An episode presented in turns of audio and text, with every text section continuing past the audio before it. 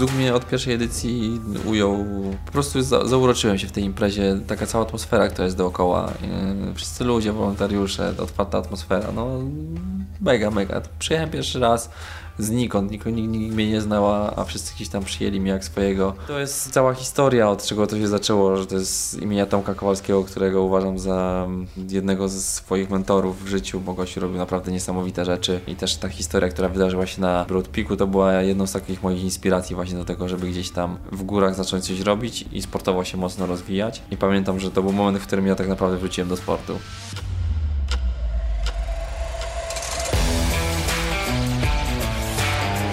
To był Michał Rajca. Ja się nazywam Kamil Dąbkowski i witam Was w podcaście Black Hat Ultra. Michał przebojem wdarł się do świata triatlonu ekstremalnego, wygrywając i bijąc rekord trasy podczas Swissman Extreme Triathlon. Wygrał również połówkę Ironmana 73 na Słowenii oraz wystartował w Mistrzostwach Świata na Hawajach. Ma naturalny dar do sportów wytrzymałościowych kocha góry i lubi w nich startować na zawodach. Tym całym sportowym szaleństwie Michał jednak łapie bardzo zdrowy życiowy balans. Nie stawia ambicji sportowych ponad wszystko, dba o najbliższych i o pracę. Takie podejście jest doskonałą inspiracją dla wielu amatorów. Rozmowę nagrałem 9 marca, tuż po dosyć specyficznej edycji zimowego maratonu karkonoskiego. Opowiadamy trochę o tym niezwykłym wydarzeniu, o sportowej drodze Michała i o jego podejściu do życia. Mam nadzieję, że dzięki temu nagraniu poznacie Michała trochę z innej strony.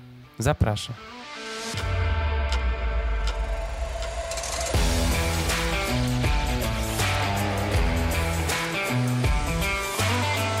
Michał, powiedz mi o specyfice triatlonu, którym ty się zajmujesz, bo nie jest to taki klasyczny triatlon. Umiłowałeś sobie dyscyplinę, która się odbywa w górach, na przewyższeniach. Opowiedz trochę o tym, jak to się różni od normalnego triatlonu. Tak, triatlon, y, odmiana ekstremalna tego triatlonu to jest to, w czym ja siebie widzę i kierunek, w którym gdzieś tam się staram y, rozwijać. No, różnica jest, y, polega na tym samym, co bieganie w górach, mniej więcej od biegania po ulicy, czyli zamiast tam gdzieś przemierzania e, kilometrów po płaskich szosach i jakichś tam płaskich trasach biegowych, to mhm. tutaj mamy jazdę na rowerze zazwyczaj po górach, jak najwięcej tych przewyższeń. No i bieg też jest gdzieś się odbywa zazwyczaj na jakiejś pętli albo, albo na jakimś odcinku mhm. stricte górzystym. No pływania nie da się utrudnić w tym triatlonie ekstremalnym. Cieszę się, że jeszcze nikt nie wpadł na to, żeby gdzieś pod prąd pływać, e, ani no, jakieś ale, inne trudniejsze formy pod górkę. Ale są to na przykład jeziora jakoś wysoko położone, które są chłodniejsze? Myślę, przykład, że to czy... w zależności od miejsca, w którym to się rozgrywa. Mhm. E, w Norwegii na przykład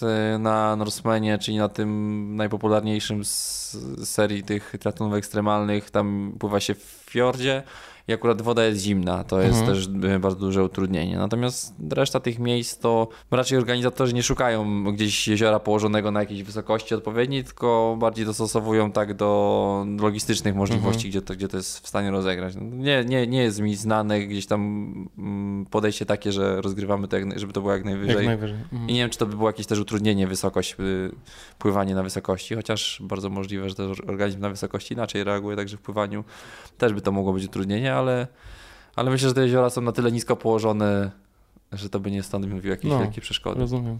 Także chodzi tutaj głównie o utrudnienie tego terenu, e, terenu i te pagórki na rowerze i, i, bieganie w górach to jest Ale to, co, co... wysokość też, w sensie jak ty biegasz odcinki maratońskie w Ironmanie, to, to one też potrafią się wysoko odbywać w górach. Wiesz co, te ekstremalne triatlony, które ja kończyłem na razie, triatlon karkonoski kończy się na Śnieżce, to 1500 metrów nad poziomem morza, to gdzieś tam powiedzmy 1600 to jeszcze nie jest jakaś nie wiadomo jaka wysokość, gdzie organizm reaguje na to mocno i, mhm. i że to czuć. Natomiast tam Swissman kończył się już na przykład na wysokości 2,5 mm, tysiąca. No to już można tam mniej więcej czuć wysokość pod koniec. Ale no też ogranicza nas e, trochę możliwości tam, gdzie góra jest powiedzmy położona na 3,5 tysiąca metrów, no to ciężko by już było znaleźć taką górę, na której nie trzeba by było przechodzić przez lodowiec. A no, znowu lodowiec no, tak. to by już była znowu utrudnienie, bo już dużo ekwipunku innego by trzeba było i raczej to nie już nie jest takie, nie byłoby możliwe zorganizowanie, żeby tam można było w takich normalnym stroju triatlonowym wbiec, w jakichś adidasach, mhm. tylko wiadomo już inny ekwipunek by trzeba było. Może ktoś kiedyś padnie na jakieś, nie wiem,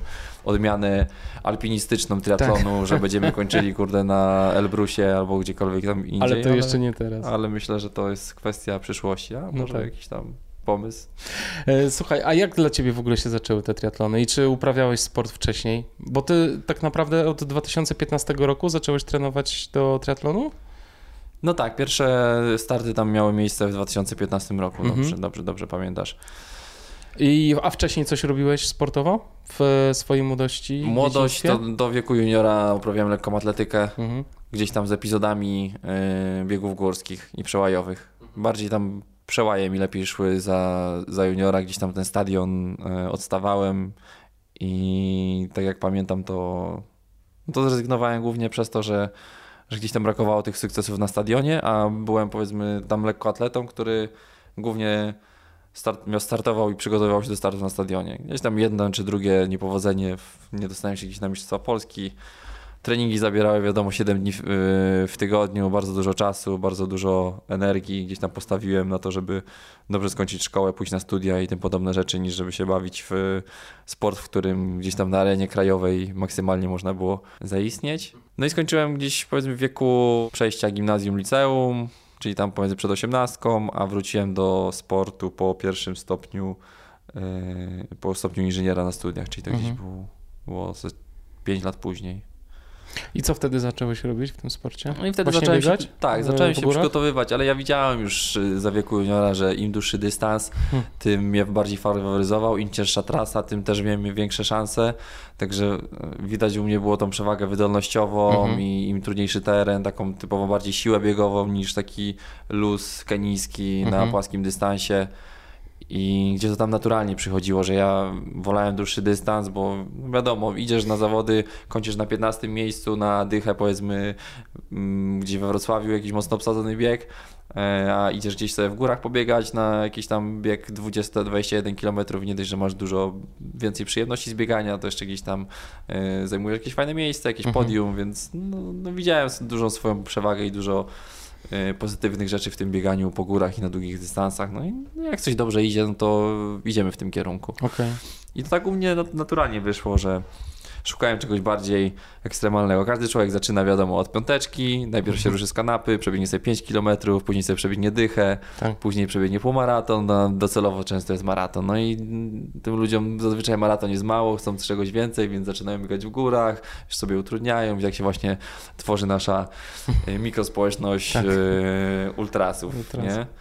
A powiedz mi, a co ci zainspirowało do tego, żeby wrócić do sportu? Czy po prostu zatęskniłeś za Mi Po sportem? prostu tego brakowało Mhm. i to był taki element w życiu, który ja gdzieś tam cały czas sport uprawiałem. To nie Mhm. było tak, że ja No tak. skończyłem biegać i koniec, siedzę tylko na kanapie i jem fast foody, tylko cały czas gdzieś było coś innego. Gdzieś tam trochę grałem w siatkówkę, trochę gdzieś tam w piłkę pokopywałem, gdzieś tam jakieś jeszcze inne sporty. E, Natomiast to nie było nic takiego, co by mnie wciągnęło mocno. No i też te sporty drużynowe, ciężko się w 100% mi przynajmniej było w to zaangażować, bo wiadomo, jak jest drużyna, to liczy się wynik e, drużyny, a nie zawsze w drużynie wszyscy tak samo pracują na sukces, więc nawet jeżeli ty dasz od siebie więcej, to e, drużyna gdzieś tam cofa, Mhm. hamuje. Takie charaktery jak ja myślę, też jestem trochę indywidualistą. Później to troszeczkę irytuje, dlatego też Mhm. bardziej się odnajdowałem w takich sportach indywidualnych, gdzie wszystko ode mnie zależy i to, co ja zrobię, to gdzieś tam później oddaję. A powiedz mi, skąd pochodzisz? Z Głuchołaz. Z Głuchołaz. Miałem tutaj jednego pana z Głuchołaz, wiesz, w podcaście, bo z Bartkiem Przedwojewskim rozmawiałem. Tak, tak, tak, tak, Tam kojarzę. wi- widzę, y, obserwuję y, wasze social media i sporo czasu spędzacie razem. Czy wy nawzajem się inspirujecie jakoś i nakręcacie? Tak, Bartek Przydowojewski to jest mm, w ogóle kuzyn y, mój. No tak, teraz już jak poszliśmy mniej więcej w ten sam obszar, czyli gdzieś tam biegamy po górach i przygotowujemy się mniej więcej do, do gdzieś imprez zbliżonych e, profilem, czyli, czyli gdzieś tam biegamy w górach na podobnych Mhm. dystansach. Ja gdzieś tam trochę ten triatlon uprawiam, ale, ale od tego czasu, jak zaczęliśmy się obracać w tym środowisku, to dużo spędzamy czasu razem, dużo razem trenujemy, no i przede wszystkim nakręcamy się, bo był taki okres, w którym mieszkaliśmy razem przez półtorej roku, no to to było takie chyba jedno z bardziej intensywnych czasów treningowych w moim życiu i tak wtedy mocno się nakręciliśmy. Bartek jeszcze był przed tymi wszystkimi sukcesami, przed dołączeniem do teamu Salomona Mhm. i tak naprawdę siedzieliśmy sobie w kuchni wieczorami i, i rozmawialiśmy o tych naszych wielkich planach. Ja też byłem przed jakimiś tam sukcesami, które się tam w ostatnim roku zdarzyły, także jak sobie wspominam te czasy, to, to, to było fajnie. No, siedzieliśmy sobie, żeby pomarzyć, a, a za dwa lata rzeczywiście to, o czym, o czym mówiliśmy, to się, to się realizowało. Także to, to fajne. jest fajnie wspominać. No ale tak, teraz jak mamy możliwość, to staramy się gdzieś tam umawiać razem na treningi, trenujemy i, i nakręcamy się nawzajem.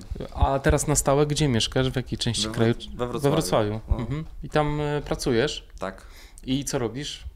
Jestem e, menadżerem zmiany w y, amerykańskiej korporacji Amazon. A, w Amazonie. Tak. Fajnie. To ci musi sporo czasu zajmować. Fajnie, nie, nie fajnie. No, cenię sobie tą pracę, którą robię, bo też nie potrafiłbym gdzieś tam e, robić tak naprawdę sportu chyba na 100%, bo dla mnie też ważny jest jakiś tam rozwój intelektualny, nie tylko tam klepanie kilometrów i, i takie pochłonięcie przez sport, także myślę, że to staram się gdzieś tam równoważyć. No i system pracy mam taki, który powiedzmy gdzieś mi tam umożliwia y, trenowanie, może nie tak bardzo jak gdzieś inne zawody których e, powiedzmy Bartek na przykład jest strażakiem, tak, tak. porównuje sobie, to on trochę więcej jeszcze czasu ma na trening, natomiast ja pracuję 4 dni w tygodniu po 10 godzin, czyli robię pełny etat, także 3 dni mam takie, gdzie mogę się gdzieś skupić bardziej na treningu. Mhm. Trenujesz rano czy wieczorem? Wiesz co, to zależy od tego, jaki mam system, bo też pracuję w systemie nocnym albo w systemie dziennym Aha. i to już mam tak poukładane, że jak okay. pracuję w systemie dziennym, to pracuję wieczor- to trenuję wieczorami, no bo mhm. zaczynam bardzo wcześnie rano, więc nie byłbym w stanie wstawać powiedzmy o trzeciej na trening. No tak. E, natomiast jak pracuję w systemie nocnym, to, to treningi wykonuję po południu, ale to jest tak naprawdę zaraz po, po śnie, nie? Mhm. czyli mhm. tak już się nauczyłem takiego systemu, dostosowałem sobie, to mi naj, naj, najlepiej działa i pasuje. A te trzy dni w tygodniu, kiedy mam wolne, powiedzmy, no to wiadomo, że to już są dwa czasami trzy treningi dziennie. Mhm. Weekendy normalnie masz wolne, czy te twoja, ten system zmianowy? Czwartek, piątek, sobota. To są okay. trzy dni moje wolne. Okay. Niedziela, środa. Pracuję. A, to, to fajnie. No, w sensie no. wiesz, jak e, słyszysz hasło praca w korporacji, a potem mówisz, że masz trzy dni wolne, to, to jest no, okej. Okay, no. Jest to taki system, który gdzieś mi tam pozwolił przygotować się na takim poziomie, wejść, wejść, na taki poziom sportowy i ja sobie gdzieś tam to cenię, nie? Że... No właśnie, zwłaszcza, że y, słyszałem y, w jednym z wywiadów opowiadałeś, że jak zaczą, za, zacząłeś się interesować triatlonem, jakby przechodziłeś z biegów górskich do triatlonu, to yy, z pływaniem u ciebie było słabo i musiałeś mocno, pływanie podciągnąć, prawda? Więc potrzebowałeś pewnie więcej czasu na to. Tak, pływanie to jest cały czas yy, moja pięta achillesowa i to, mhm. to nie jest dyscyplina, którą łatwo da się poprawić, trzeba na to, na to naprawdę dużo czasu poświęcić, mhm. a u mnie ten grafik jest no, strasznie napięty i ja na przykład jak mam godzinę czasu, jak wpadam do domu, no to wiadomo, ubrać się na bieganie jest łatwo, bo ubierzesz się, pójdziesz pobiegać godzinę, wracasz, bierzesz prysznic tak naprawdę godzina 15, jesteś po treningu i jesteś w stanie go zrobić. Z basenem tu jest trochę bardziej skomplikowane, bo tu zazwyczaj trzeba na konkretną godzinę gdzieś przyjechać, yy, chwilę popływać, to wiadomo, dojazd ci zajmuje czasu, później przebrać, przebrać się. się. później się jeszcze wykąpać po tym, później mhm. dojechać z powrotem do domu, także naprawdę z godzinnego treningu robią się nagle 2,5 godziny. Mhm. E, no i mi to ciężko wygospodarować takie 2,5 godziny, nawet dwa czy tam trzy razy w tygodniu. Więc no, no to, to z, tym, z tym pływaniem bardzo ciężko idzie. No ale hmm. rower i bieganie gdzieś tam u mnie przynajmniej idą w parze, bo mm, rower to tak naprawdę siła w, w, w mięśniach czworogłowych, czyli to hmm. taką siłę prawdziwą budujesz na rowerze. I hmm. bieganie po górach to jest bardzo podobne mięśnie tak. używasz. I, czyli ja nawet trenując e, na rowerze, to myślę, że bardzo dużo mi to daje E, siły takiej biegowej, którą później mogę wykorzystać w bieganiu po górach. Niekoniecznie to się przekłada na ulicę mhm. i na ulicy może prędkości na treningu rowerowym nie nabiorę, ale na pewno takiej siły do biegania po górach, na przykład jak dzisiaj tak. warunki podczas e, naszego e, zimowego ultramaratonu karkonoskiego, który był skrócony do 21 km no to warunki były bardzo ciężkie i tam było mhm. bardzo siłowe bieganie i mhm. ja wiem, że tutaj z osobami, które gdzieś tam w normalnych warunkach, gdyby było ciepło, E, z którymi dzisiaj rywalizowałem, no to na pewno mieliby większe szanse, gdyby ta, na tej mhm. trasie, trasie nie było e, śniegu, wiatru, lodu. nie było wiatru, tak. lodu, śniegu, nie? Tak. A tutaj jak było takie siłowe bieganie, to, to, to myślę, że to była moja duża przewaga. Mhm. No i to bieganie i jazda na rowerze u mnie gdzieś idą w parze i to mi bardzo dużo przyjemności sprawia, nie? Jak siadam na mhm. rower, jadę na jakąś pętlę, najczęściej staram się to robić, żeby były jakieś góry oczywiście jeżeli mam czas, To mi to bardzo dużo przyjemności sprawia i czyli bieganie to- tak samo, a to- pływanie to, To mam, pływanie to właśnie mam nadal tak, jest tak. Nie no, chce ci się po na prostu. ten basen i wiem, że po prostu to muszę robić, bo, Aha. bo muszę, ale to nie jest tak, że mi to sprawia przyjemność. Chociaż staram się też tak podchodzić do tego, wiadomo, że jak wyniki przychodzą i jak widzisz, że się poprawiasz, to Tak, no gdzieś ci łatwiej się je zmobilizować i No tak staram się do tego pływania podchodzić. Natomiast to jest tak, dla mnie, ja mam takie odczucie, że woda mnie ogranicza, że ja wchodzę Mhm. do tej wody i tutaj masz gdzieś uszy zanurzone, oczy cały czas, gdzieś ten oddech musisz nabierać, czujesz Mhm. się taki skrępowany, ja przynajmniej mam takie wrażenie, nie? Mhm. A jak idziesz biegać, jedziesz na rowerze, tak oddychasz pełną piersią tak po prostu podziwiasz i masz takie, takie doznania estetyczne, które mi są Mhm. mimo, mimo wszystko bardzo potrzebne w treningu i mnie tam nakręcają. Ja tego potrzebuję. No właśnie, bo teraz który y, wychodzisz z wody na zawodach? Jak to jest? No to zależy, zawody tam jakiej rangi, gdzie są. Mhm. No powiedzmy na A na tym Swissmanie na Na przykład. Swissmanie wyszedłem chyba na 20 Aha. miejscu, a startowało około 300 osób, dobrze Mhm. pamiętam? Tak, no to wyszedłem gdzieś tam powiedzmy w czole. To nie jest tak, y, że jak gdzieś wychodzę Mhm. w połowie stawki czy na końcu. Gdzieś tam Mhm. wychodzę w tym takim czole, czubie, no. ale, ale do tych najlepszych tracę jeszcze Mhm. y, dużo. Także jak się, a wiadomo, No że- właśnie, ale potem ich wyprzedzasz i jak myślisz, y, na czym twoja przewaga polega? Właśnie na, tej, że, na tym, że masz wydolność fajnie wypracowaną, czy, czy też siłę? Ja- Jak to postrzegasz? No tak, no inaczej się tego nie da wytłumaczyć, bo tutaj, żeby kogoś do, dogonić w górach, to po prostu musisz mieć więcej siły i lepszą wydolność. To, tu- tutaj nie ma czarów, nie ma magii. A czy udało ci się twoje VO2 Max na przykład podciągnąć w trakcie ćwiczeń? E, że na przykład, nie wiem, 3 lata temu było niższe, a teraz jest wyższe? Tak, tak, zdecydowanie, tak, trenuję. No, w tym momencie mam y, VO2 max na poziomie tam 70. Aha. A było? A było gdzieś jak zaczynałem trenować, no ciężko powiedzieć, tak jak to zaczyna, zacząłem obserwować tak od 62, 63 szedłem. Mhm. Jak jestem, mo- jak jestem mocno wytrenowany, to mam 70, 72. Mhm. Super.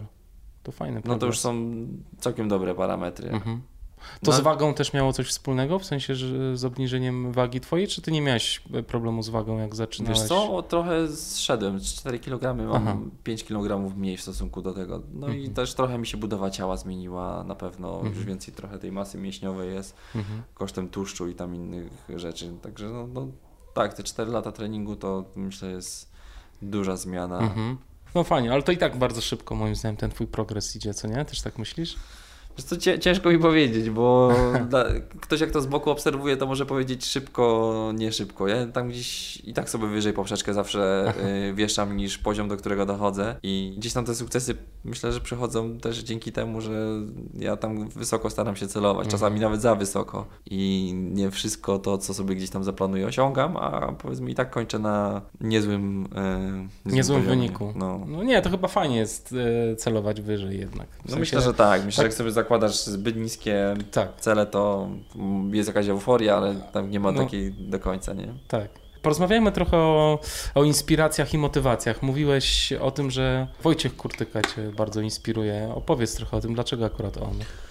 Tak, Wojtek Kurtyka mnie inspiruje, dlatego że on jest takim bardzo rozsądnym gościem, a mimo wszystko takie niesamowite rzeczy potrafił w życiu robić i do takich y, wyników w tym świecie y, alpinizmu i himalajzmu doszedł, a mimo wszystko cały czas był w tym bardzo rozsądny, to znaczy bardzo ryzykował w swoim życiu, ale gdzieś tam potrafił zachować tą równowagę i zawsze gdzieś tam ten rozsądek z, tyłu głowy miał i nie pochłonęło go to wszystko. I ja też tak staram się na, do tego triatlonu podchodzić i do, w ogóle do sportu, żeby widzieć w tym wszystkim sens, a nie zatracić się w tym do końca. Na przykład bardzo dużo osób gdzieś mnie tam zaczepia często i pyta, czemu nie przejdę na zawodowstwo. No, nie przejdę na zawodowstwo, bo gdzieś tam ten rozsądek mam z tyłu głowy cały czas. Mhm. I, I a czego się boisz w takim razie, w takim przejściu na że zawodowstwo? no, po prostu Znaczy- nie wyżyjesz z tego sportu. No Okej. sorry, ale tu nie ma pieniędzy. Ja nie zbuduję za to domu, nie kupię samochodu. To są jakieś powiedzmy tam dobra materialne, które ktoś powie, że okej, w życiu są e, nieważne, ale to myślę, że każdy potrzebuje jakiegoś takiego Tak. Spokoju psychicznego Tak. i, i takiego miejsca w swoim życiu. I ja tego potrzebuję i o tym wiem. I mimo tego, że gdzieś powiedzmy mógłbym ten na, na poziomie zawodowym, gdybym się poświęcił w 100% ten triatlon robić i gdzieś tam, nie wiem, pojechać jako zawodowiec na Mistrzostwa Świata, Mhm. jakieś tam miejsce zająć, to wiem, że w tym wieku już jest troszeczkę za późno na to, żeby zostać mistrzem świata, a tak naprawdę tam pierwsza czwórka, piątka, dziesiątka na świecie to są osoby, które są w stanie wyżyć z triatlonu i powiedzmy żyć na jakimś tam dobrym poziomie, reszta to są osoby, które powiedzmy kleją koniec końcem i tam jeden sezon się uda, drugi się nie uda, tutaj połapiesz sponsorów, tutaj nie połapiesz, tutaj jest takie kombinowanie cały czas, nie? Także mi to, że pracuję, to daje taki komfort psychiczny, a sport traktuję cały czas jako pasję. No, jestem tam powiedzmy ambitnym w miarę amatorem i gdzieś tam chcę do jakichś wyników doskakiwać, ale cały czas potrzebuję takiego komfortu materialnego A też. co ci daje jeszcze ten sport w twoim życiu, poza tym, że zaspokaja jakieś twoje ambicje? Czy to jest po prostu, nie wiem, em, sposób na spędzanie czasu? Jak, jak, to, jak to u ciebie wygląda? Tak, no ja myślę, że jestem typowym ćpunem sportowym, nie? Mhm. że potrzebuję tych endorfin, bo ja się wtedy dobrze czuję. To jest coś, co mi po prostu sprawia przyjemność i każdy ma coś takiego w życiu, co robi i, i po prostu się wtedy dobrze czuje. Nie? Jedni po sobie lubią trawkę zajarać i wtedy mają fajne flow i oni sobie wtedy siedzą. Jedni się lubią alkoholem upić. Ja mam jakiś tam trochę inny nauk, gdzieś tam sportowy. I myślę, że jestem takim samym nałogowcem jak każdy inny, kto ma Mhm. jakąś tam bardzo dużą pasję, a że ta pasja moja mm, gdzieś tam jest pozytywnie jeszcze w środowisku odbierana mimo wszystko, Mhm. to ja się z tego tylko cieszę. Mhm. Ale no tak, no ja uważam, że jestem normalnym ćpunem sportowym i Mhm. potrzebuję tych treningów, potrzebuję tego sportu i potrzebuję tych doznań do tego, żeby gdzieś tam być szczęśliwy i mieć taki całkowity obraz swojego życia, taki, który mi odpowiada. Mhm. A jak twoje życie prywatne, bo mówisz o pracy, o, o dużej ilości treningów, no do triatlonu trzeba bardzo dużo trenować, jednak trzy dyscypliny, a nie jedną. I jak, jak to godzisz? To byś musiał zapytać o to moją mm, kobietę, moją rodzinę, moich znajomych. To przejadę się do nich, dobrze. Wiesz co, staram się też w tym wszystkim zdrowy rozsądek zachowywać Mhm. i nie zaniedbywać tego. No, Mhm. Wiadomo, że nie mam tyle czasu na te wszystkie rzeczy. Tak bym chciał, żeby się spotykać na przykład ze, ze znajomymi gdzieś tam i, i ma, bardzo dużych znajomych też mam w świecie sportu i to, że gdzieś tam się spotykamy na zawodach, to już tam przy okazji. Natomiast no, przede wszystkim staram się nie zaniedbywać tych rzeczy, nie? Układać to wszystko tak, żeby to miało ręce i nogi i żeby niczego nie zaniedbywać. No nie zawsze mi się to w 100% udaje, ale No to musi być trudne. Znaczy to jest wiadomo, jak w życiu, kwestia priorytetów. no. dokładnie, to jest to, jak sobie poukładasz priorytety. Tak. Niektórzy mają tak, że e, ja zrobię trening i dopiero później myślę o tym, co gdzieś dookoła będę ogarniał, a ja się staram układać tak, żeby zrobić i trening i żeby gdzieś tam jeszcze załatwić wszystkie prywatne rzeczy. Ale tutaj też e, trzeba mieć dookoła siebie osoby, które to akceptują i popierają przede wszystkim, bo jak No tak. By twoja rodzina gdzieś cię w ogóle Nie w tym nie wspierała. wspierała i mówiła ci, że po, cały czas po co to robisz i generalnie zlewała to wszystko, no to gdzieś by też to się do tobie od- odbijało, a Mhm. jak masz osoby, które koło ciebie cały czas się wspierają, Mhm. y, przede wszystkim mm, psychicznie i gdzieś tam cały czas ci kibicują i widzisz, że one też tym żyją, gdzieś tam przyjadą na jedne, drugie zawody, pokibicują, no to to już wtedy No to jest mega. Mega sprawa, tak. fajne. No i ja sobie to bardzo cenię, bo właśnie takich ludzi koło siebie mam. No to, to super. A powiedz, jeśli chodzi o support na Twoich zawodach, masz jakąś stałą ekipę, która Cię wspiera? Tak, tutaj mam w ogóle jedną osobę, którą z, miejsca chciałem pozdrowić, mój przyjaciel Paweł Wysoczański, który Aha. jest ze mną od samego początku, kiedy te moje sportowe przygody się zaczęły i kiedy potrzebowałem e, wsparcia, to zawsze mm, był pierwszy. I tutaj praktycznie od tego Karkonoszmena, od pierwszej edycji, tak e, razem jeździmy na wszystkie zawody i w tym roku też pojedziemy razem do Norwegii na Mistrzostwa Świata, z czego się bardzo cieszę i też będę go miał w swojej ekipie.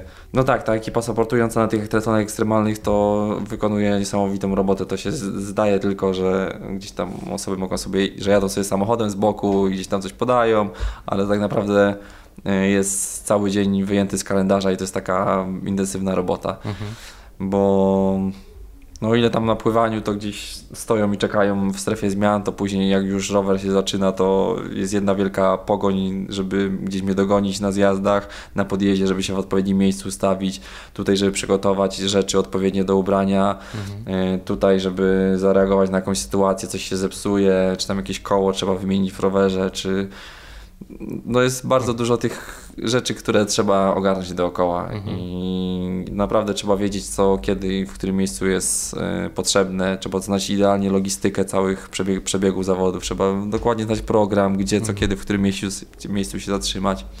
Bo to nie jest też tak, że oni w każdym miejscu Ci mogą pomóc, prawda? No tak, no, na przykład Są jak, jak jechaliśmy na tym. Swissmanie, to no podjazd wiadomo, jak, jest już, jak już się wije droga na, Mhm. na przełęcz, no to tam tych zjazdów, w których oni mogą zjechać i się zatrzymać, to nie jest dużo, bo ta droga jest naprawdę wąska. Yy, No i powiedzmy, że jest miejsce, w którym nie będziemy się widzieli przez godzinę. No to oni muszą wiedzieć o tym, że przez godzinę nie, nie będziemy się widzieli i że ja przed tym czasem muszę coś zjeść i no i tak naprawdę ja, ja jestem odciążony w 100% przez chłopaków, bo Oni wiedzą kiedy co i jak, wyciągają batona z samochodu, podają na Mhm. punkcie, mówią Michał, teraz możesz zjeść batona, teraz możesz zjeść banana, teraz masz się napić, tutaj mi wymieniają bidon, także to jest, Fajne. to jest niesamowite, że nie musisz o tym myśleć i skupiasz się, skupiasz się tylko na tej swojej robocie, że możesz kręcić e, w rowerze, że możesz później biec, a tak naprawdę wszystko, wszystko dookoła masz ogarnięte. Na przykład na Hawajach to było tak, że musiałem wypić 4 bidony w ciągu godziny, czyli Mhm. co 15 minut musiałem wymieniać bidon i to było tak, że to, ja, ja nawet o tym nie myślałem, tylko ja odruchowo brałem cały czas bidon, bo wiedziałem, że ja muszę pić. Tak. Żeby te 4 bidony w ciągu godziny wypić, no to naprawdę musisz sięgać się- co, co, tak. co 2-3 minuty po bidon, nie? Tak. I z jedzeniem jest tak samo. Wiesz, że musisz zjeść dwa czy tam trzy batony, czy tam wypić dwa czy trzy żele, zależy kto Mhm. ile potrzebuje, jak to rozkłada w ciągu godziny. No i też jedziesz, jedziesz, patrzysz, godzina wybiła, no to zjesz batona, Mhm. nie? Później patrzysz, że godzina 30, jesz batona. Nie mam żadnych przypominajek, tylko po prostu jedziesz i czekasz Okej. trochę na ten moment. Nie pilnujesz tam watów, prędkości, wszystkiego, parametrów. Nie pilnujesz tak samo też jedzenia w tym czasie. Okej. E, Ile kalorii przyjmujesz na godzinę, tak średnio na zawodach? O Jezu, ciężko mi Nie, nie liczysz tego, tylko na, Wiesz na co? batony to No powiedzmy, że mm, na takich intensywnych Mhm. zawodach to są około dwa żele na godzinę. Żel ma ile tam? No tam stówkę, 200, 100, 150? No to Tak. z 200-300 kalorii A. na godzinę. No. Okej, czyli tak, klasycznie. Zastanawiam się, czy jest różnica, jak na przykład y, masz zawody na Hawajach, gdzie jest gorąco, al- albo właśnie na Swissmanie, czy Norsemanie, w którym wystartujesz. Y, Czy tam to się będzie różniło ilość kalorii, które przyjmujesz? Jak, jak myślisz? Wiesz co, myślę, że ilość kalorii mm, i tutaj jedz, w jedzeniu samym, które Tak. spożywasz, to, to niekoniecznie, bo to jest raczej, raczej ustalone i to będzie Mhm. bardzo podobnie, ale tutaj z ilością płynów jest Płynów, na pewno duża tak. różnica. Tak jak mówiłeś na tych Hawajach. Na Hawajach jest gorąco i tam to z siebie Cały czas parowuje piłeś, momentalnie, tak. a już w takich zimniejszych warunkach to no, tak jak w górach. Mhm. Jak jest upał, to, to wiadomo, że dużo pijesz, a Mhm. A jak jest trochę chłodniej, to tych płynów mniej spożywasz. No Mhm. ale i tak trzeba tych płynów pilnować, żeby, żeby uzupełnić, żeby się nie Absolutnie. zdaje się, zdaje się, że ci się nie chce. A... Ktoś Ciebie treningowo prowadzi teraz? Tak, od października 2018 roku już e, trenuję tutaj zawodową grupą GVT BMC Triathlon Team. Trenerem moim jest Zbigniew Gucwa, który tam przede wszystkim mocno kolarsko mnie uświadamia i, i, i rozwija. E, Biegowo gdzieś tam też mam doświadczenie, też tam konsultujemy bardzo dobrzy e, trenerzy pływania. Także w tych trzech dyscyplinach gdzieś tam myślę, że się rozwijam w tym momencie i mam Mhm. nadzieję, że, że te parametry i moc jeszcze e, mocno się podciągnie w tym, w tym sezonie i będzie, Mhm. będzie, będzie dużo lepiej niż, niż w 2017 roku. A, a ponoć rezerwy są duże. Spoko. A powiedz, teraz właśnie jakie są Twoje plany najbliższe?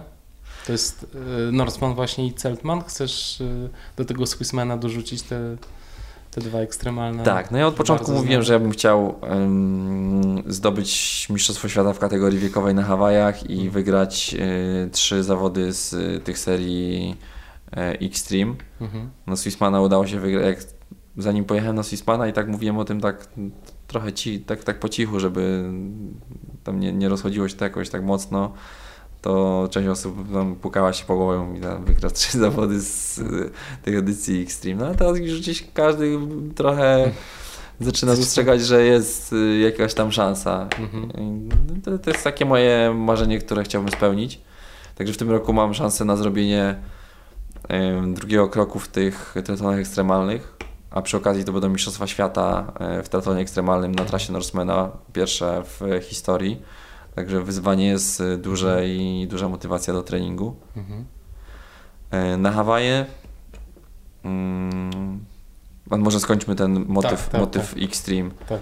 No i w, tym- w tym roku będzie tyle z Extreme, już więcej nie zrobię tych triathlonów, Mhm. bo też trzeba organizm w miarę oszczędzać i tak myślę, że dużo dołożyłem w, tych, w ciągu tych trzech lat, więc żeby się nie przekręcić.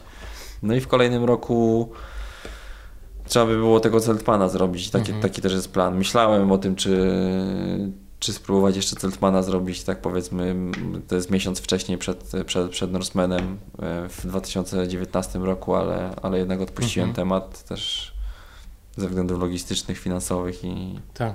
i ciężko by to było wszystko zgrać. Także na 2020 rok na razie przełożony ten Celtman, jak Mhm. wszystko dobrze pójdzie. No a Mistrzostwa Świata na Hawajach. e, myślałem też, żeby w tym roku zrobić, bo jestem ostatni rok w kategorii tam do 30 lat. Mhm. Już później przechodzę do wyższej kategorii i, i w tej wyższej kategorii 30-35 to jest chyba e, najmocniejsza grupa, Mhm. bo to jest taki idealny wiek e, na sporty wytrzymałościowe, nie? Wtedy już organizm wytrzymałościowy jest rozwinięty i, i te wyniki są wtedy w, ty, w tych grupach naj, najlepsze. Mhm. No ale na Hawaje w tym roku na pewno nie pojadę na 90%, a przynajmniej nie planuję, bo musiałbym jakąś imprezę kwalifikującą zrobić, No a już w kalendarz będzie ciężko to wszystko wcisnąć. Więc skupiam się w tym roku na Mistrzostwach Świata Mhm. yy, w triatlonie ekstremalnym w Mhm. Norwegii i to jest mój główny cel. A powiedz, czy na te triatlony ekstremalne też przyjeżdżają e, zawo- zawodowcy, triatlonowcy zawodowcy? Raczej nie, raczej tam nie ma zawodników Mhm. pro. To Mhm. są mm, zawodnicy, k- znaczy startują, l, mogą startować l, Mhm. zawodnicy z licencją pro. Nie mają tego, ale oni raczej ścigają się na tych płaskich trasach, gdzie są większe pieniądze do wygrania. To jest też No. tak naprawdę dla nich chleb, to jest start w zawodach, jak, Mhm. jak jadą. Tutaj jest powiedzmy troszeczkę w tych triatlonach ekstremalnych inna formuła. I oni się tak powiedzmy z, z rzadka pojawiają tam. Mhm. Czyli tam e, startują głównie tacy mocni amatorzy, którzy w dodatku mają zakrętkę jeszcze na tę ekstremalną Dokładnie, dokładnie tak. No dobrze, a powiedz, e, a co myślisz o hardej suce? Tam dużo ludzi liczy na to, że kiedyś wystartujesz i tam pobijesz Nie. wszystkie rekordy. Impreza jest niesamowita w swojej formule i w ogóle to jest to, do czego ja dążę, bo to jest taki właśnie coś ekstremalnego, takiego, czego nie zrobi każda osoba, która gdzieś tam nawet y, uprawia triatlon w mniejszej lub większej formie. Tylko to jest naprawdę taki już wycisk dla organizmu i taki, takie osiągnięcie, które sobie spokojnie w CV możesz zapisać. I chciałbym wystartować w Hardej Suce i myślę, że na pewno kiedyś wystartuję. Mhm. Ale powiedzmy prestiż y, tej imprezy na razie jest taki, że bardziej to jest taki achievement, nie? I takie mm, coś, co sobie możesz gdzieś później dzieciom opowiadać, Mhm. a nie jakiś tam aspekt sportowy. Ja na razie trochę Mhm. do tego triatlonu jeszcze tam sportowo podchodzę, także myślę, że Okej. nazywam to na takiej sportowej emeryturze. Zabiorę się za hardą sukę, żeby, e, żeby coś takiego zrobić w życiu, nie? O, fajnie. Czyli najpierw te wszystkie y, profesjonalne, znaczy no nie chcę powiedzieć, że Harda Suka nie jest profesjonalną imprezą, ale, ale rozumiem, że masz te marzenia na razie za granicą. Tak, tak, dokładnie. Gdzieś tam za granicą, te Mistrzostwa Świata i, i ten mm, cały cykl tego X World Toura. Tak. A powiedzmy takie imprezy jak Harda Suka, to, to, to gdzieś tam już na roztrenowaniu powiedzmy zrobimy. A powiedz, czym jest dla Ciebie start w takim zuku, który od trzech lat y, kończysz na pierwszym miejscu? Czy to jest po prostu sen- sentyment tutaj do Karkonoszy, bo też y, startujesz tutaj w Karkonoszmanie. Jak to jest z zukiem u Ciebie? No dokładnie. Z, raczej raz, że Karkonosze to są w ogóle moje ulubione góry i uważam, że to jest piękne miejsce w ogóle do Mhm. trenowania, do, do spacerowania i, i, no, no są, są niesamowite. Uwielbiam tutaj w Karkonosze przyjeżdżać. No i te imprezy wszystkie, które się tutaj dzieją, to staram się w nich uczestniczyć jak naj, najlepiej jak mogę, najczęściej. A z łuk po prostu za, zauroczyłem się w tej imprezie, taka cała atmosfera, która jest dookoła. e, Wszyscy ludzie, wolontariusze, otwarta atmosfera, no mega, mega. Przyjechałem Mhm. pierwszy raz znikąd, nikt, nikt, nikt mnie nie znał, a- wszyscy gdzieś tam przyjęli mnie jak swojego. I tak, już kolejna edycja i już trzeci rok z rzędu, nie wyobrażam sobie inaczej sezon zaczynać. Właśnie drugi aspekt to jest to, że jeszcze nie ma sezonu mocnego na triatlony, Mhm. a już gdzieś tam tą bazę wytrzymałościową się robi i gdzieś tych kilometrów w zimie się dużo biega. Także to jest idealna impreza taka, żeby przebiec właśnie 53 km. Mhm. Nie wchodzisz na jakieś nie wiadomo jakie zakresy. Wiadomo, to jest jeszcze budowanie bazy i, i zazwyczaj tego zuka traktowałem jako tako, taki element przygotowań. No a trzy to jest ym, cała historia, od czego to się zaczęło, że to jest z imienia Tomka Kowalskiego, którego uważam za jednego ze swoich mentorów w życiu, bo, bo, bo, bo gościu robił naprawdę niesamowite rzeczy. Mhm. E, I też ta historia, która wydarzyła się na e, Broad Peaku, to była jedną z takich moich inspiracji właśnie do tego, żeby gdzieś tam e, w górach zacząć coś robić i, i sportowo się mocno rozwijać. I pamiętam, że to, to, był, to był moment, w którym ja tak naprawdę wróciłem do sportu. Mm. Piękne. Także tutaj wszystko się tak w tej imprezie skleja, że, że nie wyobrażam sobie inaczej za, zaczynać sezon niż tutaj w Karpaczu. Pięknie, ciekawe kiedy się pojawi ktoś, z kim będziesz miał problem na trasie. No, wiesz co, co mocni zawodnicy co roku tu no. przyjeżdżają. W tamtym roku był Kamil Leśniak, w tym roku był yy, Dominik Grządziel. Grządziel. Tak, no to są bardzo mocni zawodnicy w górach i tak... Yy, no, trochę, dajesz im radę. Trochę mi głupio, że tak przyjeżdżamy na te imprezy, a tu jakiś triatlonista no przychodzi no właśnie, i tak. trzeci raz z, z rzędu wygrywa. E, natomiast tak mówię, to mnie trochę te zimowe warunki faworyzują, bo jednak mm-hmm. myślę, że miałbym większe problemy z chłopakami, gdyby nie było śniegu, byłoby sucho i byśmy biegali po takim płaskim terenie. Myślę, że wtedy e, ta rywalizacja by była bardziej zacięta. Znaczy trochę to jest rzeczywiście nieładne z twojej strony, ale z, z drugiej strony tak, ty zaczynałeś w górach, ty, to nie jest tak, że ty nie jesteś biegaczem górskim. Poza tym wiesz, jak rozmawiam dużo z ludźmi tutaj w podcaście, to jednak prędzej czy później wszyscy dochodzą do wniosku, że podstawą dobrego treningu biegowego górskiego jest różnorodność. A chyba nie ma y, bardziej róż... Znaczy, okay, może ktoś sobie jeszcze wymyśli bardziej różnorodny trening, ale trening triatlonowy mega y, buduje sportową formę. Właśnie to, co powiedziałeś o rowerze, tak? który świetnie przygotowuje też do gór, więc jakby kompletnie mnie to nie dziwi, że tutaj masz takie świetne wyniki. A w tym roku te warunki niesamowite. Jak ci się biegło dzisiaj? No, dzisiaj było, dzisiaj było ekstremalnie tam na górze. Ja mam tak jakieś tam doświadczenie w chodzeniu po górach i tam mm. po lodowcach trochę chodziłem. Nawet mi się tam zdarzyło Kazbek zdobyć i Mont Blanc, także już tam na 5000 w górach byłem, więc wiem, co to jest wiatr i, mhm. i że są ciężkie warunki i że trzeba uważać, ale no, po tych prognozach wczorajszych tak trochę podchodziłem sceptycznie do tego, że mówię, tam będzie wiało 20-30 na godzinę 40, to mhm. co za wiatr, ale to, co się dzisiaj odbywało na grani, to było no, to było naprawdę mocne. No, były odcinki, kiedy trzeba było ten wiatr na twarz tak, przyjmować. Tak. Krótkie co prawda, bo krótkie, bo cały czas zawiewało z, z prawej z strony. Ale to były momenty, w których po prostu no, trzeba było się czołgać na szwaraka. I Powiem bo... Ci, że gdyby wiało cały czas w twarz, to ja nie, nie wiem. Do zrobienia, nie do zrobienia. Tak. Znaczy... Jakby, jakby trzeba było iść pod, pod wiatr, to, to jest dla mnie. No, nie, nie, nikt by tego nie zrobił. Tutaj powiedzmy dzisiaj. od razu, że tu nie chodziło o sam wiatr, tylko o to, co ten wiatr ze sobą niósł. No. Że on niósł ze sobą drobinki lodu i one po prostu e, wchodziły. Ale też biegałeś dzisiaj? Tak. No. Tak. Zmachałem się, jakbym zrobił, wiesz, pełny dystans. Tak, tak, tak. No ja też przybiegłem i jeszcze ten zbieg w tym śniegu, gdzie się zapadałeś po kolana. No dzisiaj po prostu no. każdy, każdy odcinek trasy miał jakąś trudność i ta trudność polegała na czym innym. Mhm. Początek tym podbieg zielonym szlakiem to było tak naprawdę się śmiałem, że to Jezus chodzi po wodzie, bo tak musiałeś biec tak, żeby tak delikatnie, żeby się nie zapaść, bo tak. jak chciałeś trochę siły w to włożyć i mocniej pójść, to zapadałeś się po, mhm. po kolana, więc tak naprawdę biegłeś, żeby się tylko nie zapadać. Nie wiem jak tam później może było ubite bardziej. To znaczy później przede wszystkim tam korki się tworzyły, wiesz, no, w, te, w, tym no, lesie. No, więc tak Ty to czy tak- byłeś tak, w czubie, a, tak czy siak było niedobrze. Było no. dużo dołów i wiesz, i wszyscy tam wpadali w doły po poprzedniku. No więc... dokładnie, więc później, no, to, później to już pewnie była dziura koło dziury, tak, nie? I, tak. Ale przynajmniej jak w dziurę wpadałeś, to już miałeś twardo. To, to prawda.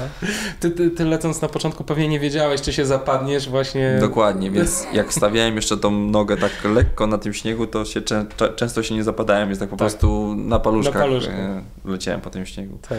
Później był ten zbieg mhm. nieszczęsny e, i tam było modliłem się, żeby w końcu dobiec do, do tej drogi i żeby tak. się zaczął ten podbieg e, pod Szrenicę, bo, bo tam wpadałem po kolana, w ogóle była trasa nie, nieprzetarta, bo biegłem pierwszy. Mhm więc tam zapadałem się po kolana. No, no marzyłem o tym, żebym tylko z żadnej kontuzji nie, z, mhm. nie zrobił, żebym nie skręcił e, kolana. I, no i tam było tragicznie. No, do teraz zastanawiam się, czy czwórki to mnie bolą od tego, że mnie palą, bo tak trzeba było dzisiaj się trochę nam, namachać, czy od tego, że właśnie tam cały czas wpadałem po te kolana w śniegu i mam wszystko poobcierane i poobijane. Mhm. Później był podbieg pod y, Szrenicę. No, no to, to, to, no. to, dobrze wspominam, bo tam po prostu tak. trzeba było trochę siły włożyć, ale był podbieg i tak. było w miarę twardo, było rozrotrakowane, więc to było ok. No ale jak już się za Szrenicę wbiegło na grań, to, mhm. to tak tym wiatrem zacinało, że to było niesamowite. Na śnieżnych kotłach, jak już tam trzeba było kawałek, tam 200 metrów przebiec pod wiatr, mhm. to już po prostu na kolanach na czworaka. Masakra. No. no ale nie było na szczęście takich odcinków lodowych stricte, że że ślizgałbyś się jak po tafli, tafli lodu, tylko było cały czas śniegu gdzieś nawiane, więc nawet jak byłeś po lodzie, Mhm. to tego śniegu nawianego trochę było tak, że, że stawałeś i, i w miarę był pewny ten krok. Mhm.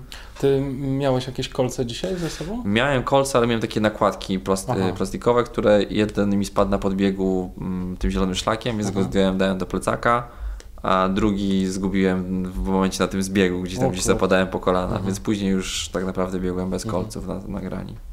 No ale No- dałem radę tam bez no- problemu. No tak. I też nie biegłem w jakichś nie wiadomo jakich terenowych butach, bo biegałem w cloudach, widzę, że masz takie same, te Peak Mhm. Adventure, nie wiem czy w Mhm. nich biegłeś, czy w innych. Nie, nie, w innych, w innych biegłem. Także W to tych nawet... biegłem, właśnie tam sobie kolce wkręciłem. No, więc y, dałem radę spokojnie, tak, bo było dobrze. Mhm. No ale y, fajny jest e, filmik na Facebooku, jak y, mijasz, w sensie dobiegasz do mety, a mety nie ma.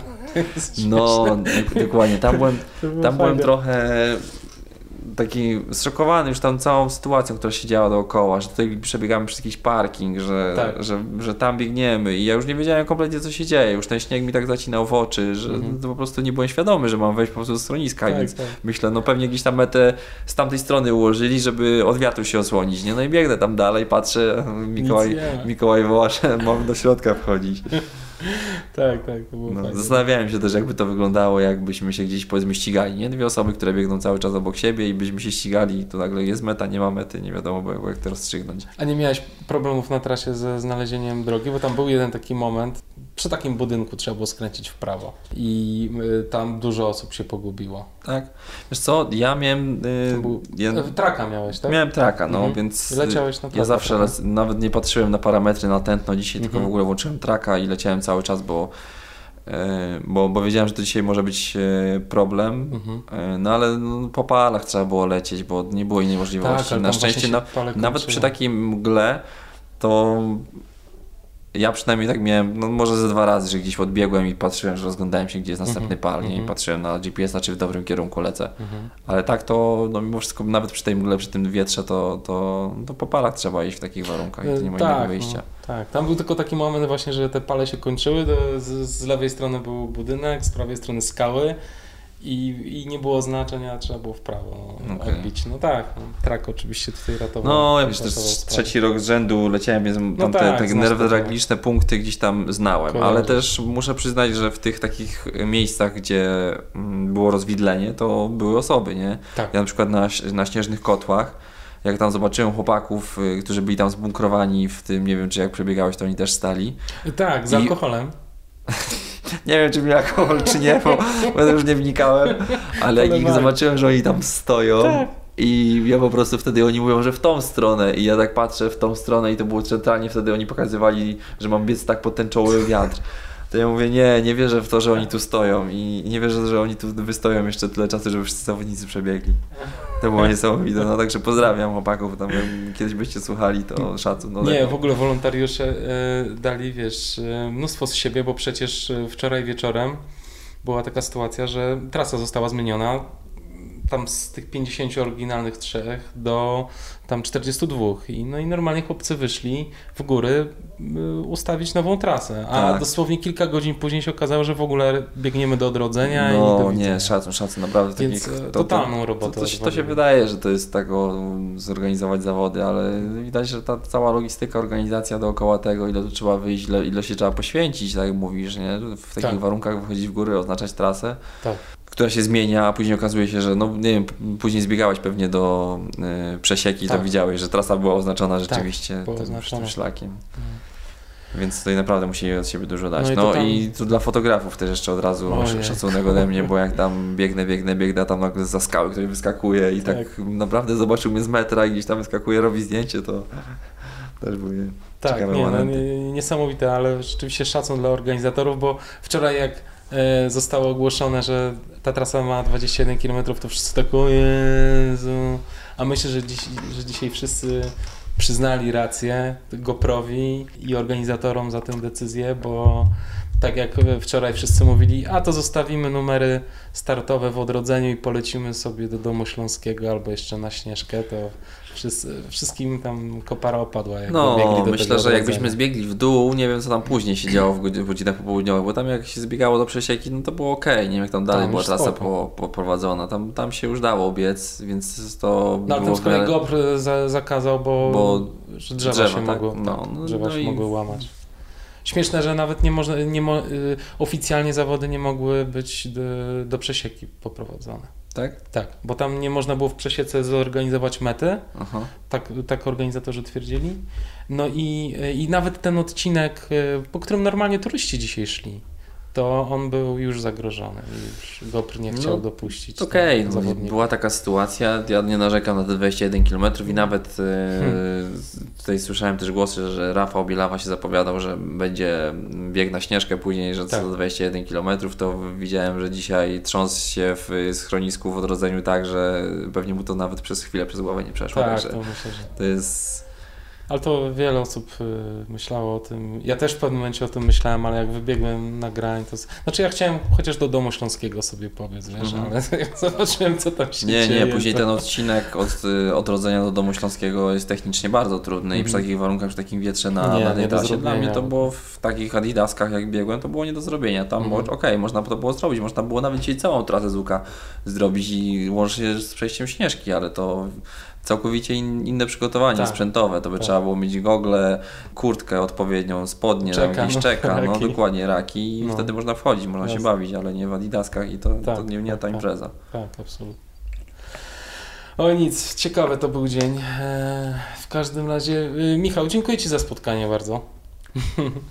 Życzę Ci wszystkiego najlepszego, jeśli chodzi o Twoje plany. Dzięki, że się spotkaliśmy i opowiedziałeś mi o tym wszystkim. No dzięki bardzo, miło było, dziękuję za zaproszenie. Mam nadzieję, że tam każdy coś e, dla siebie z tej e, rozmowy wyciągnie pozytywnego. Jeszcze raz dzięki za spotkanie.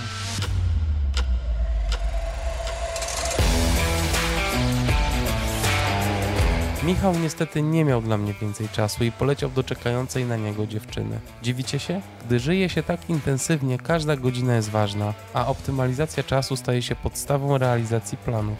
Jak słyszeliście na końcu, Michał wspomniał o Rafale Bielawie. Rafał trochę się ogrzał w odrodzeniu jednak poleciał dalej razem z Romanem Fickiem. Bez numerów startowych pobiegli całą oryginalną trasę Zuka. Trochę to ryzykowne, ale udało się. Na szczęście panowie wiedzieli co robią, a i górskiego doświadczenia im nie brakuje.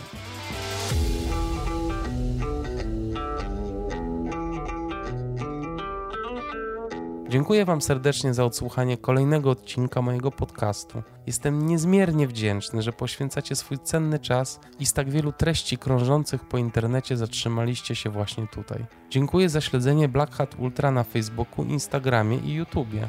Pozdrawiam wszystkich użytkowników Spotify. Ze statystyk wynika, że właśnie na tej platformie słuchacie BHU najczęściej. Ogromnie dziękuję za wszystkie komentarze i serduszka. Fajnie, że wokół tego podcastu tworzy się tak niesamowita społeczność, dlatego zapraszam Was serdecznie do dołączenia do grupy fanów podcastu na Facebooku. Umieszczam tam trochę informacji z życia podcastu, których nie publikuję nigdzie indziej. W następnym odcinku usłyszycie Krzysztofa Dołęgowskiego. To będzie zapis bardzo osobistych wyznań Krzyśka. Serdecznie zapraszam.